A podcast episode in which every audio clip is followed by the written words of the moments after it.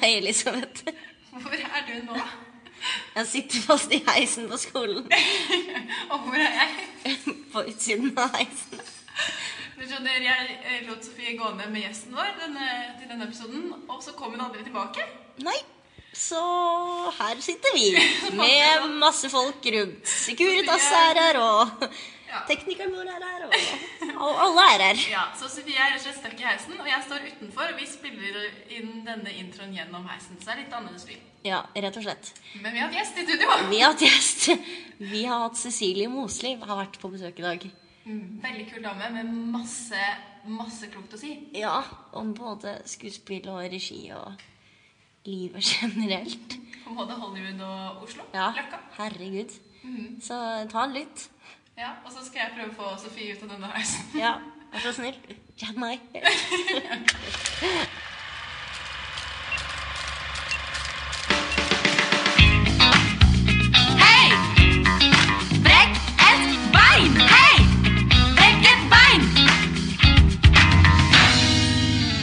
Vil du begynne med å si ditt fulle navn? Jeg heter Cecilie Askeland Mosli. Ja. Og så lurer vi på din arbeidssituasjon. Jeg er frilanser, Ja, ikke sant? ja, og det har jeg vært i veldig mange år. Egentlig 16 år eller noe sånt, ja. Ja, Ikke sant? Eh, Før det var jeg på teater. Ja. Ja, ikke sant? Ja. Var du, hvor, hvor var det du var da? Jeg var først et år på Rogaland teater, og så var jeg på Norske Teatret et år, og så i Bergen et par år, og innom Tromsø, og så var jeg på Nationaltheatret i fire år. Ja. Litt overalt, rett og slett. Ja. Har du et uh, drømmeprosjekt? Hmm, jeg har ikke ett drømmeprosjekt. Det er mer sånn drømmepremisser. Eh, på, Ja. liksom, eh, jeg har et sånn eh, At jeg har to emner som jeg alltid vil jobbe med. Og det ene er tilgivelse. Og det andre er Jeg pleier å si det på engelsk, for da heter det diversity. For jeg syns mangfold høres så veldig sånn Kulturell skolesekken Og det, kulturell skolesekken er flott, altså. Men, men ja. Eh, mangfold høres så pedagogisk ut. Det er vel det jeg skal fram til. Ja. Jeg skjønner hva du mener. Så det er de to temaene. Og så har jeg forskjellige måter å, å gjøre det på. Ja. Ja. Men det er liksom eh, ledelinjene for hva jeg sier ja og nei til. Kult. Og så har jeg litt sånn at jeg, noen andre premisser, at eh, eksempel at jeg ikke gidder å jobbe med drittsekker. Så da sier jeg nei til det. Ja, det Så det sier jeg nei til jobben når jeg vet at det ikke er liksom, pålitelige forhold, eller at folk ikke er hyggelige med hverandre. Mm. Så, så jeg har noen sånne, Men et drømmeprosjekt jeg føler jeg har fått gjort masse flere drømmeprosjekt enn jeg trodde jeg skulle få gjøre. Det er liksom ikke det stykket eller den filmen eller Har ikke sånne ting. Fint å ha noen premisser, da. Ja. Og kunne liksom peile seg inn på. Og så et spørsmål som er litt annerledes, som ikke har med skuespill å gjøre, som vi finner på. Uh, hva, hva er ditt eh, favorittsted i Oslo? Har du noe favorittsted i Oslo? Ja, det er jo Grünerløkka, da. jeg har bodd der i veldig mange år. og har familien min der. Og Ja. ja, gått i alt fra barselgruppe og hatt barn i barnehage. Og har naboer og venner. Og ja, barna mine sine venner. Og, og pluss at det er et, et område hvor jeg føler at det er mye rom for å være seg sjøl. Uansett hvem man er, da. Ja. Så er det mange fordommer om Grünerløkka, at folk tror at det er bare sånn hipt og trendy å drikke caffè latte og sånn. Sånn er det ikke. det er vel heller mer rom for at når man leverer barn, at man kan gå i pysjen og levere, eller Ja. Og at det er folk av alle slag og rom for alle. Så det er jo de tingene. Og de trendy folkene de kommer jo gjerne med buss fra, eller taxi fra andre deler av byen, føler jeg. Ja, ikke sant? Ja, det er jeg enig i. Ja. Jeg også trives veldig godt på Grünerløkka. Vi er jo her hele tiden. Vi Ja. har jo skole her og på Vulkan, så Ja, man trenger liksom ikke gå så langt utfor, egentlig. I, i min Nei. hverdag så syns jeg egentlig en god dag når jeg egentlig ikke er utfor. Grünerløkka. jeg har egentlig alt det jeg trenger. Når jeg kommer hjem fra reiser og, sånn, og, og sitter på trikken fra flytoget opp Tore Meyers gate, og det sitter alkiser der, og så er det et eller annet der, så tenker jeg åh, deilig. Hjemme. Nå er jeg ja. Jo, men det er noe fint med det, at alle Ja. bare lever i sånn harmoni. ja. Så er jeg veldig glad i både sjøen. Jeg syns det er utrolig fint at det har blitt bygd ut til å bli en ordentlig fjordby. Så Sørenga og Tjuvholm og sånn syns jeg er topp. Og så er jeg veldig glad i Marka. Ja. Så Oslo er supert, da. Oslo er egentlig topp. Ja. Ja.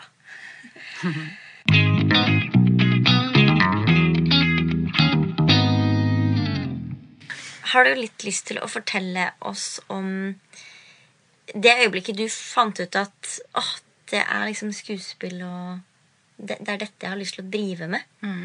Og fram til du på en måte fikk det til? Ja, det er liksom ikke Det var ikke et sånt øyeblikk at 'å, der er det jeg vil bli'.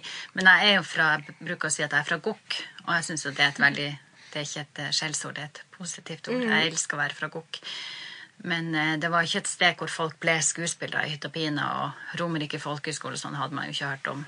Eh, og det som er der, den bygda jeg er fra, så må man flytte hjemmefra etter Da var det jo niende for å bo på hybel for å gå på videregående.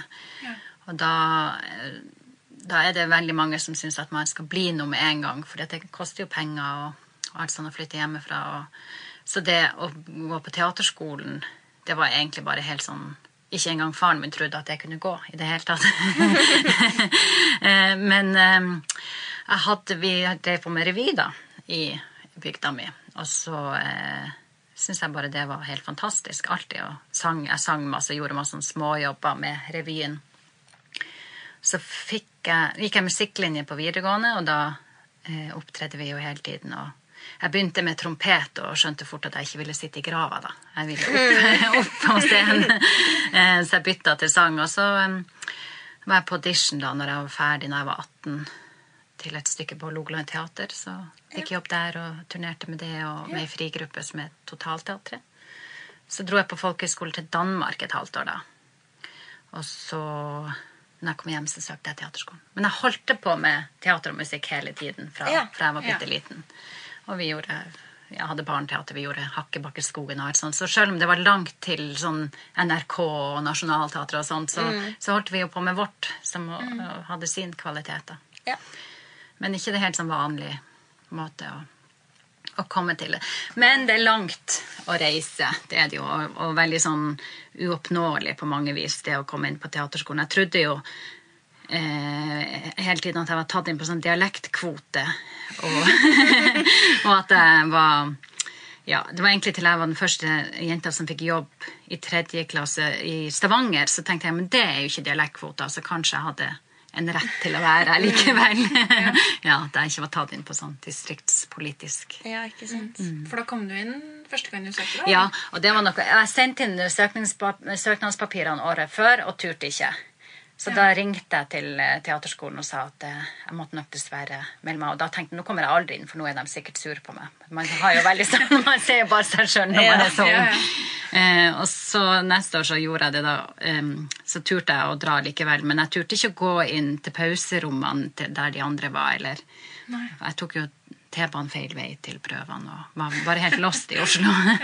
ja, Kjente ingen og Ja. Så det var ganske um, ut av kroppen-opplevelse, da. Og så gikk du rett i jobb når du var ferdig? Eh, Ja, det gjorde jeg òg. Jeg jobba så jeg var 23 da, så jeg jobba veldig mye veldig tidlig. Um, men eh, det kan være jeg skulle si om det når jeg kom inn. Det var et eller annet jeg tenkte på. Jo, at hvis jeg ikke hadde kommet inn, så tror jeg aldri jeg hadde det igjen. For da hadde jeg tenkt nei, nei, det var jo bare idioti av meg. Det var ikke noe for meg. Ja. Så flaks at du kom. Ja, Ja, godt, ja. ja. Og veldig, veldig kult at du da klarte å gå rett ut i jobb ehm, etter endt utdanning Ja. også. Og så Ja. klarte å holde den ballen gående. Ja, det var veldig mye jobb. De første årene så, på, så jobba jeg på institusjonsteater med veldig mye sånne stykker som gikk og gikk og gikk. Og, og at jeg spilte dobbelt og jobba trippelt. Og, så jeg hadde sånn snitt på 200-300 forestillinger i året. Så jeg fikk veldig mye sånn spilltrening på veldig kort tid da, på institusjonsteater. Det tenker jeg er fint. Sånn mengdetrening. Ja, Ja. Ja. absolutt. Så det var mye teater først, men du har gjort en del film og, og TV og sånn også. Mm, det var, kom egentlig etter at jeg fikk barn, at jeg har gjort det mest. Ja. Ja. Eh, ja. Var det noen spesiell grunn til at du sparte på det? Uh, nei, altså det var jo ikke så mye filmproduksjon før. Nei. Det har jo eksplodert. Når, eh, Det ble jo lagd noen få filmer i året når jeg var på deres alder. Så det var jo veldig sånn fjernt å få det var, ja, det var veldig få råd å slåss om da. Eh, så det har jo litt med at markedet har endra seg. Og så for meg ble det jo mye bedre å gjøre det når jeg hadde barn. Og så underviste jeg jo og leda en del på, på KIO da, eh, også da. For at jeg skjønte at å spille trippelt gikk ikke med små barn. Nei. Så det ble en litt sånn, sånn eh, Ikke at jeg jobba så mye mindre, men litt mer eh, tilpassa arbeidstid. Da. Mm. Og så hadde jeg også veldig tidlig et sånn ønske om eh, om å fortelle historier på flere vis enn å stå på scenen. Og flere organisere meg annerledes enn en, en den institusjonsmåten å jobbe på, da. Fordi du har jo gjort en del regi også. Ja, det, det jeg gjør mest nå. Ja, det Hvordan var det. du tenkte at det, nå skal, du begynne, nå skal jeg begynne med det? Var det Nei, det var heller ikke Jeg har aldri hatt en sånn eh, en, en plan, en femårsplan, eller jeg aldri har ikke, har ikke skjedd. Det skjedde egentlig litt sånn Egentlig så tenker jeg det er litt sånn viktig at det er litt sånn uflaks. Sånn som på Nationaltheatret så gikk em, eh, Jeg hadde et eh, fireårs åremål som gikk ut når jeg var i mammaperm. eh, Og som ikke ble forlenga. Og da måtte jeg jo finne på nye ting. Heldigvis da så fikk jeg Og da hadde jeg spilt spilt mye av det jeg hadde drømt om. Jeg hadde spilt i Glassmenageriet, jeg hadde spilt Tre søstre, Irina, og, og hadde spilt eh, Jenta, et Jon Fosse-stykke som hadde en fantastisk rolle. Og, ja, Bernard Albas hus hadde jeg spilt. At jeg hadde fått mye av den sjekklista som jeg hadde av de gode rollene for unge jenter. Sånn at jeg hadde eh, på en måte hadde fint, og, og selv om det var stritt av og til. Men da måtte jeg på en måte finne opp litt på nytt, men så fikk jeg den eh, naboer, en spillefilm med Pål Slettaune, som var en ganske stor rolle. Og så begynte jeg å undervise på teaterskolen og skjønte at jeg likte det skikkelig godt. Em, sånn at eh, litt sånn, Jeg tenker at det er viktig for unge skuespillere å vite at når ei dør lukkes, så åpnes noen andre. At det ikke er slutten på verden, at en kontrakt ikke blir forlenga, eller at du ikke fikk den rollen. Og, og da med det øyeblikket jeg ble frilanser, så oppdaga jeg at det var andre At jeg kunne få roller som, på film som andre ikke hadde fått. Ikke naboer, men andre filmroller som noen hadde fått, men ikke kunne fordi de var på institusjonsteater. Og så begynte jeg å se gleden i det å være frilanser. Og så begynte jeg å, eh, først med dialekter på teaterskolen, men så mer og mer regi der. Og så fikk jeg noen filmroller som ble utsatt hele tiden fordi de ikke fikk penger. Og så hadde jeg plutselig ikke jobb, så holdt jeg en del kurs, og der var det noen som så at jeg regisserte ting, eh, små monologer og sånn, og derfor fikk jeg min første teaterregijobb. Og så fikk jeg radioteaterregijobb, og der så dramasjefen hvordan jeg jobba med skuespillere. Og så fikk jeg Mammon eh, regi, TV-regi. Mens jeg hele tiden også skrev ting. Skrev TV-serier, skrev filmmanus og eh, gjorde andre typer måter å fortelle historien. Det var sånn glidende. Jeg føler litt at jeg fikk lov å øve meg litt i stille og, rolige, små forhold. Eh, men jeg tror jeg alltid hadde sånn at når jeg fikk en jobb, så, så gjorde jeg optimalt ut av den, da, selv om det var et lite hemmelig kurs. Eller, ja. Og så oppdaga jeg jo at jeg, at jeg likte utrolig godt å jobbe med å få andre folk gode. Ja. Eh, sånn at den, den delen av regijobben syns jeg var så veldig givende. Så undervisning og at jeg oppdaga at jeg, eh, jeg ble veldig tent av det å finne ut hvordan jeg kunne utvikle andre folk til å yte sitt aller beste. At det ble et sånn ordentlig kick. Det er egentlig veldig fint, for det er veldig mange regissører som i hvert fall film og TV, som fokuserer veldig mye på det visuelle, eller på liksom at lys skal passe, og at klipp skal passe, og alt mulig. Så det er veldig fint å ha en regissør som også fokuserer på skuespillet. Ja, for man må jo fokusere på det andre, og det har jo jeg måttet lære meg, Ja, ja. for det kunne jo ikke jeg så mye om. Så det har jeg på en måte måttet jobbe ekstra med. Men jeg har jo hatt den tryggheten at jeg vet hvordan jeg jobber med, med skuespillere. Og At det, det ligger lett. Eh, ikke hver dag at det ligger lett, men at det er på en måte noe jeg kan, har. Eh, ja. Så må man jo, måtte jeg jo lære meg alt det tekniske rundt en filmproduksjon, og det er ganske mye. Og det kunne jo også ofte eh, kan jeg fortsatt føle at å, shit, jeg vet ikke hva det betyr med det, det linseskiftet der. Sånn. Men, men da spør jeg bare istedenfor å late som jeg kan det. Ja. Ja, For jeg, jeg vet jo hva bakgrunnen min er, og hva jeg kan og ikke kan. Så det, ja, det er ikke noe vits å late som noe annet. Nei. Du nevnte jo eh, at du fikk ha regi på Mammon. Og Mammon gjorde det jo veldig, veldig bra. eh, den sesongen Var det sesong to? Som fikk eh, Som vant Emmy.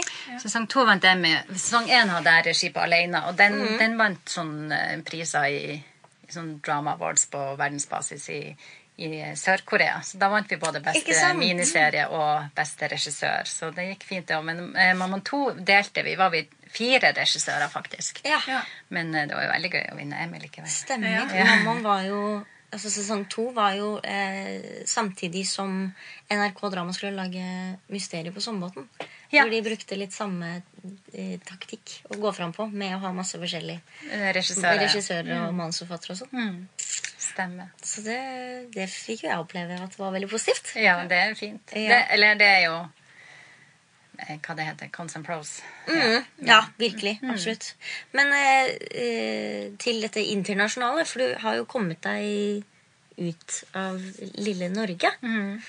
eh, og da, Du sier jo nå at du har eh, alt dette med regi har du jo fått til ved å bare liksom få lov til å eh, leke deg med det og prøve deg fram. Du har ikke tatt noe utdannelse på det eller noe som helst.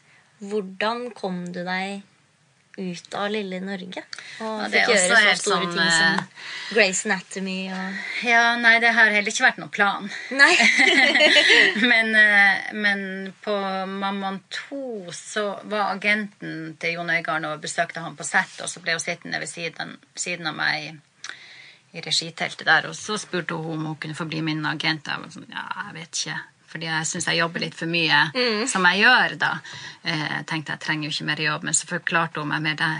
Vi er jo, jeg har jo på en måte vokst opp med en tid hvor agent, vi ikke brukte agenter i det hele tatt.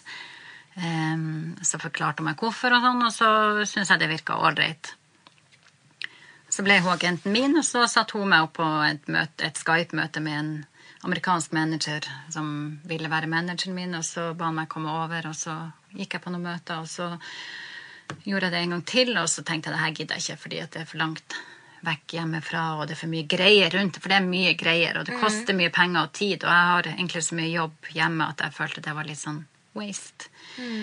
Så da sa, sa vi opp, for jeg fikk også agenter i USA, sa vi opp dem, og så, og så fikk jeg agenter i England i stedet, siden det er kortere da, på av familie, familien min. Ja.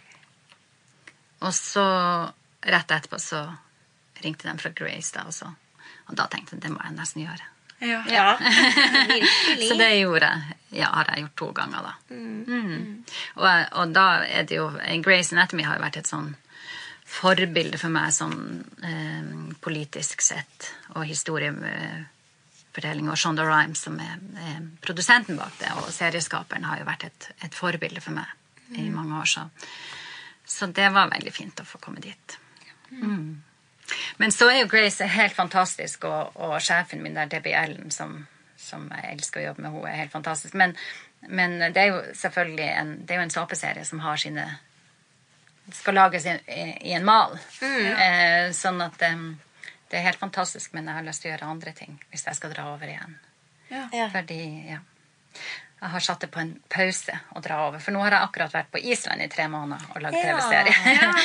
som, er- som er min eh, Eller som jeg har vært med å utvikle, og som eh, jeg har konseptuerende på. Sånn. Så det er jo mer sånne ting som som jeg har lyst når dere spør om liksom, hva er drømme Så er det sånne ting. Veldig Ja. sånn drømmescenario for meg var den, den som jeg akkurat har den som jeg satt og klippa nå før jeg kom hit i dag.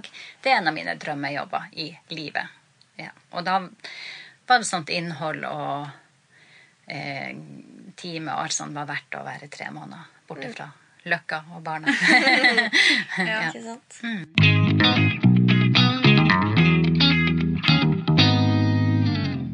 Jeg lurer på litt, eh, Det er litt tilbake til det du snakket om i stad. Men når du jobber med å få skuespillerne gode, Mm. hva er det liksom du gjør? Jeg vet ikke om det går an å si Ja. sånn uten et eksempel, men eh, Jeg vet ikke om jeg har en sånn metode, men generelt så, eh, så når jeg eh, Nå begynner jo jeg å bli eh, skikkelig gammel i gamet, så det er jo Hva er det? Det er jo 26 år siden jeg begynte på teaterskolen, så, så mye har jo skjedd i måten man jobber på. Det var den, den måten som var mest vanlig da jeg begynte, var jo at man fikk sånn gå dit, si det, være sånn. Og at man ikke skulle tenke så mye sjøl som skuespiller. Og og det syns jeg Altså Det er jo ofte jeg må si 'gå dit' og stå der. og sånn er jeg også, Så jeg skal ikke være fri for det. Men, men jeg opplever vel at um, jeg har aldri vært, Som skuespiller sjøl har jeg aldri vært god på å bare få negativ og kjeft. At jeg syns at det å fremelske eh, de tingene som, som skuespillere mestrer, og, og få dem til å skjønne at de sjøl er gode, og så bli modigere, um, er en teknikk som jeg tror jeg bruker. Og det har jeg egentlig lært av regissører som jeg har jobba med, som har gjort det. Som har gjort meg gitt meg sjøltillit og mot. Sånn at jeg tenker at å, men det kan jeg hoppe ut i og gjøre, sånn at jeg utfordrer meg sjøl. Men da trenger jeg litt trygghet. Jeg er ikke sånn som eh, kan skremmes til å være god. Eh, og det, det prøver jeg jo å se an, for noen skuespillere trenger jo mer pushing enn det jeg gjør. Så jeg prøver å se alle som den de er, og hva de trenger, og prøve å lytte til personligheter for å se hva Om det her er noe som trenger mye eh, ros og, og eh, oppmuntring, eller om det er noen som må pushes, eller om det er noen som må grense, på en måte. Ja. Mm. Prøve å se hver eneste skuespiller eh, er vel det jeg prøver på, da. Det er vel, hvis det er noe som er en metode, det er kanskje det. Er det noe Kjempefint. Ja. Nei, uh, Er det noe annerledes å jobbe med eh, skuespillere som f.eks. de du jobbet med på Mammon, men også Heimebane? Eh, versus eh, disse store Hollywood-stjernene fra Grace Anatomy? Ja, det er masse som er annerledes og masse som er helt likt. De er jo veldig eh, de tar ikke, Man skulle jo tro det omvendt, men de tar ikke så mye plass som norske skuespillere gjør. På godt og vondt, da. Ja. For de er jo veldig sånn drilla i å, å liksom gå på merket og, og si, avlevere replikken og eh, levere på veldig høy, hurtig tempo og eh, ja.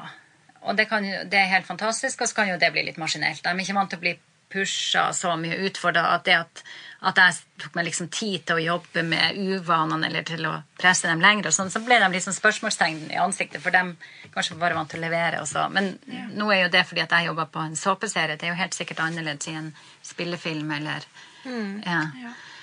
Ehm, men uh, de norske skuespillerne er kanskje De er jo utrolig forskjellig. Hver eneste skuespiller er superforskjellig. Men, men litt som sånn det norske samfunn og norsk eh, utdanningssystem, at det er mer rom for refleksjon, som er fint hos norske skuespillere. Eh, mens i, i Hollywood er de jo enda mer på en måte Selv om de er blitt stjerner, så er de jo veldig avhengig av, av dem som gir dem jobb. ja, ja. Det er veldig harde kår med sånn der. Enten er du noe, eller så er du ingenting der. Enten har Ja, du ingen sant. lønn, eller veldig lav lønn, eller så har du kjempelønn. Ja. Så det, alle de er sånn som vi, luksusen vi har i Norge, å kunne eh, gjøre mindre ting og, og fortsatt leve av det, og gjøre ting som ikke syns så godt, og utvikle ting som er mer eksperimentelt og eh, forskende og Det er jo en stor, stor luksus og en flott ting vi har i Norge, tenker jeg. Og det å faktisk kunne si nei til ting Ja. også, Ja. uten at det ødelegger karrieren din, ja. er jo er jo- fint i. Norge. Mm, det er veldig fint. Mm. Ja, det blir de veldig forbausa over at jeg nå For jeg sier nei til veldig mye i USA Ja. nå, og det syns de er helt merkelig. Ja, Ja. Du, vi gjorde jo det, leste jeg. Altså, du sa jo nei. Ja, første til- gangen sa ja, jeg nei. Ja. Fordi du skulle gjøre, jobbe på Norges minste teater. Ja, ja, ja, men jeg hadde jo en, en avtale. Ja. så da ble det sånn. Så er det andre ganger jeg måtte eh, løse opp i avtaler som har vært litt lengre fram i tid pga. Film. film. Det er litt vanskelig det her kombinere film-TV med teater, for at det er så forskjellige planleggingshorisonter. så når du plutselig får penger, så må det jo må det, må det skje, mens teater har en mye mer forutsigbar. Så det har vært litt sånn krasj med det. Men, men eh, når det var så nært som det var der, så måtte jeg nesten bare si nei. Mm. Men jeg har jo også sagt nei mange ganger på grunn av at jeg, um, jeg, ikke, jeg kan ikke dra fra barna hele tida. Sånn er det bare. Det skjønner jeg. Ja. Men du driver fortsatt med, med skuespill? ja, når jeg har tid innimellom, så gjør jeg det. Ja. Hender det at du savner det når du driver mye med regi? Nei, jeg har fått gjort det så jevnlig eh, at det er helt fint. Eh, at jeg ikke har savna det. Så det er klart at når jeg ser noen skikkelig snadderoller, så tenker jeg åh, det hadde vært gøy. Eh, og så syns jeg det er sånn kjempeluksus når jeg er skuespiller nå fordi at eh, jeg føler at det er to forskjellige hjerner. Eh, Regihjernen så tenker jeg på alle andre hele tiden, og hele apparatet, og du er der først, og du, du er der sist, og, og du skal omfavne hver eneste på settet skal du drive fremover, og hver eneste, hvert eneste bilde. Sånn at når jeg er på sett som skuespiller eller på teater, så skal jeg bare tenke på meg sjøl og sitte i sminken. Og, og før, når jeg, når jeg var bare skuespiller, så kunne jeg bli skikkelig utålmodig og måtte vente en hel dag for eksempel, på settet. Da var jeg sånn, jeg kunne ha gjort noe annet. Mens nå så syns jeg bare det, er den største luksusen i livet hvis jeg kommer på filmsett og må vente en hel dag. Og få skikkelig godt betalt og skravle med kollegaer og pynte litt på sminken Ja. og ta en kaffe til og scrolle litt på iPhone. For det, sånn- det blir ikke mye sånn som regissør. Da løper Nei. man. Da, da jobber man jo i lunsjen, og så, ja. Ja. og så kan man jo ikke sitte og slarve på den måten. Så, Nei. Nei. så når jeg er Jeg nyter det skikkelig når jeg er skuespiller innimellom. Hvordan er det med, med nerver og sånn? Du må jo, eller Jeg regner med at du har vært litt nervøs når du skal begynne med å sette regi på en så stor serie da, som Grace Anatomy, for eksempel. Ja, da var jeg nervøs, ja. ja, ja det var jeg. Hadde mye eh, Det er kanskje også en grunn til at jeg ikke har så lyst til å være der hele tiden. For at det er så Du må ha så mye adrenalin og mye nerver for å få det til å gå opp. Veldig, veldig høyt press. Ja. Eh, sånn at um, jeg føler vel at, det, at det, det, ikke, det ikke gjør det Det er utrolig gøy, og jeg var utrolig heldig som fikk gjøre det, og fantastiske folk å jobbe med. Men akkurat den, nerv, den angsten for å trå feil, Ja. den syns jeg ikke er så veldig morsom, da. Nei, Nei. Men eh, skjønner. ja. ja, fallhøyden er jo ganske stor, da. Mm. Men det er jo som her, og folk hjelper deg jo, og det ordner seg jo, og eh, ja. Du har gjort mye eh, regi på film og TV i ja, det siste nå. Mm. Men du skal jo på Nationaltheatret igjen og, Mm. og ha regi der. Mm. Hvordan tror du det blir? Nei, det er fint. det. Er, jo, det er jo der jeg har vært lengst som skuespiller, og der har jeg satt opp Er det tre stykker jeg har satt opp før der? Så jeg tror det her er det fjerde, hvis jeg ikke husker feil. Så det er jo en sånn hjemfølelse der. Eh, og jeg jobber jo med kollegaer jeg jobber med i over 20 år, eller gått på skole med, eller sånt. eh, Og jeg elsker det teatret, og så er den forestillinga Det stykket er jo så fantastisk livsbejaende, og, men det er jo stort og, og mye organisering, så det er nesten som en filminnspilling. For det egentlig det jeg har likt med å gjøre teater innimellom, er at det er så forskjellig fra fra TV-film med det at det er liksom mindre organisering og mer forsking. Det blir jo ikke her. Det her er jo et sånn sette opp og organisere-stykke. Men eh, jeg skal prøve å minne meg på hver dag at det skal handle om de små tingene der òg. Eh, men det er jo et sånn eh, overskuddsprosjekt. Ja. Ja.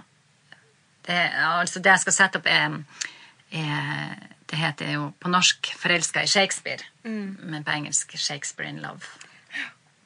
Og det skal gå på hovedscenen Hovedscenen på Nationaltheatret. ja. til høsten. Til høsten. Premiere 15. november. Da må vi komme og se! Kom på premieren. Ja. Og så lurer vi på om du har eh, noen eh, tips til oss, eller råd. Mm.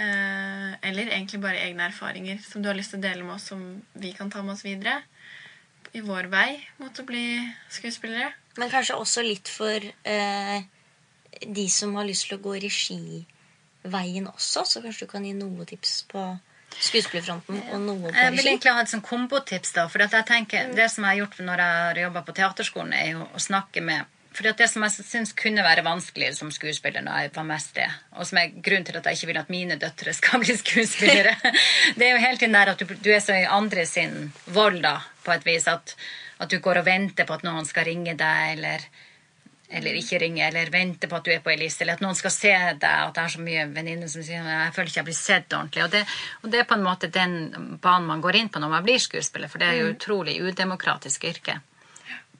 Så det jeg tenker, er å liksom minne seg sjøl på hvorfor man ble skuespiller. Er det fordi at man vil stå fremst i rekken og være den som er i avisa, eller så, så, så må man på en måte realitetsorientere seg i forhold til det. Men de fleste som jeg kjenner som blir skuespillere, er fordi de har et enormt uttrykksbehov.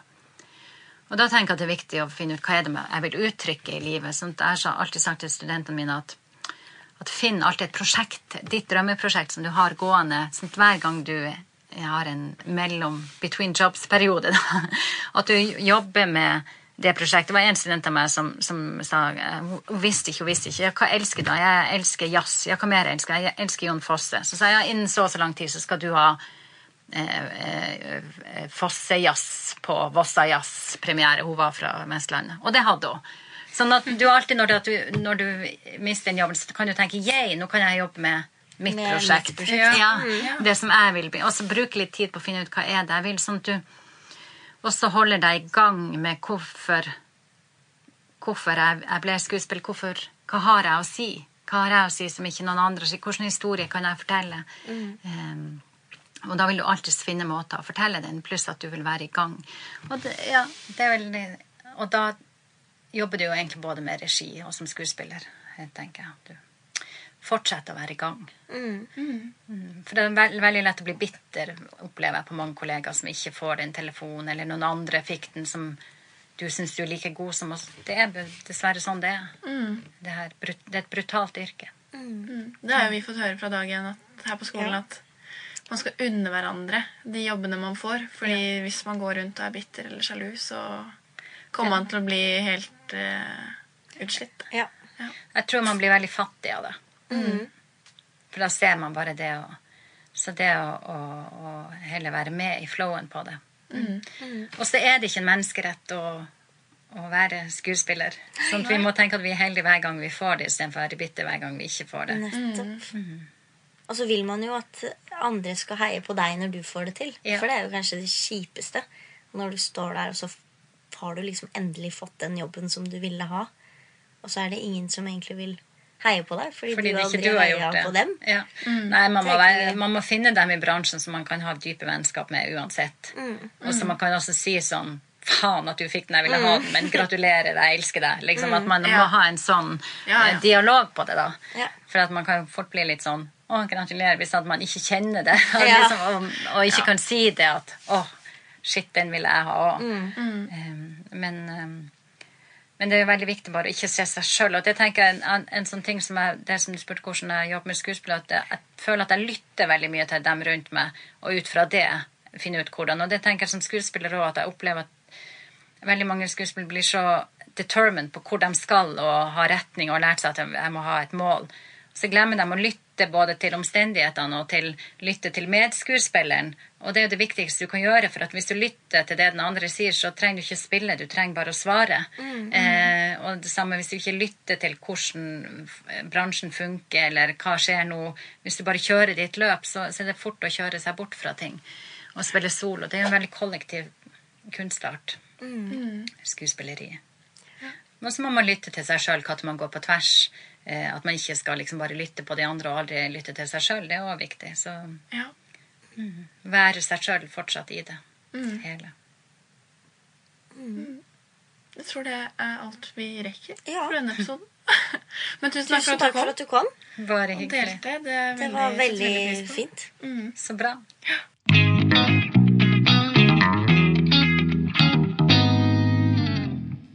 Sånn avslutningsvis så vil vi også gi en liten shout-out til han som er vår lydtekniker. Ja, vi har jo fått inn en til på laget eh, her. Eh, som er eh, kjære David Lind Engelstad. Eh, så takk til deg for at du mikser og trikser og Tweaker jo på alle stemmene våre og passer på at alt er eh, i den skjønneste orden. Så takk til deg. Yes.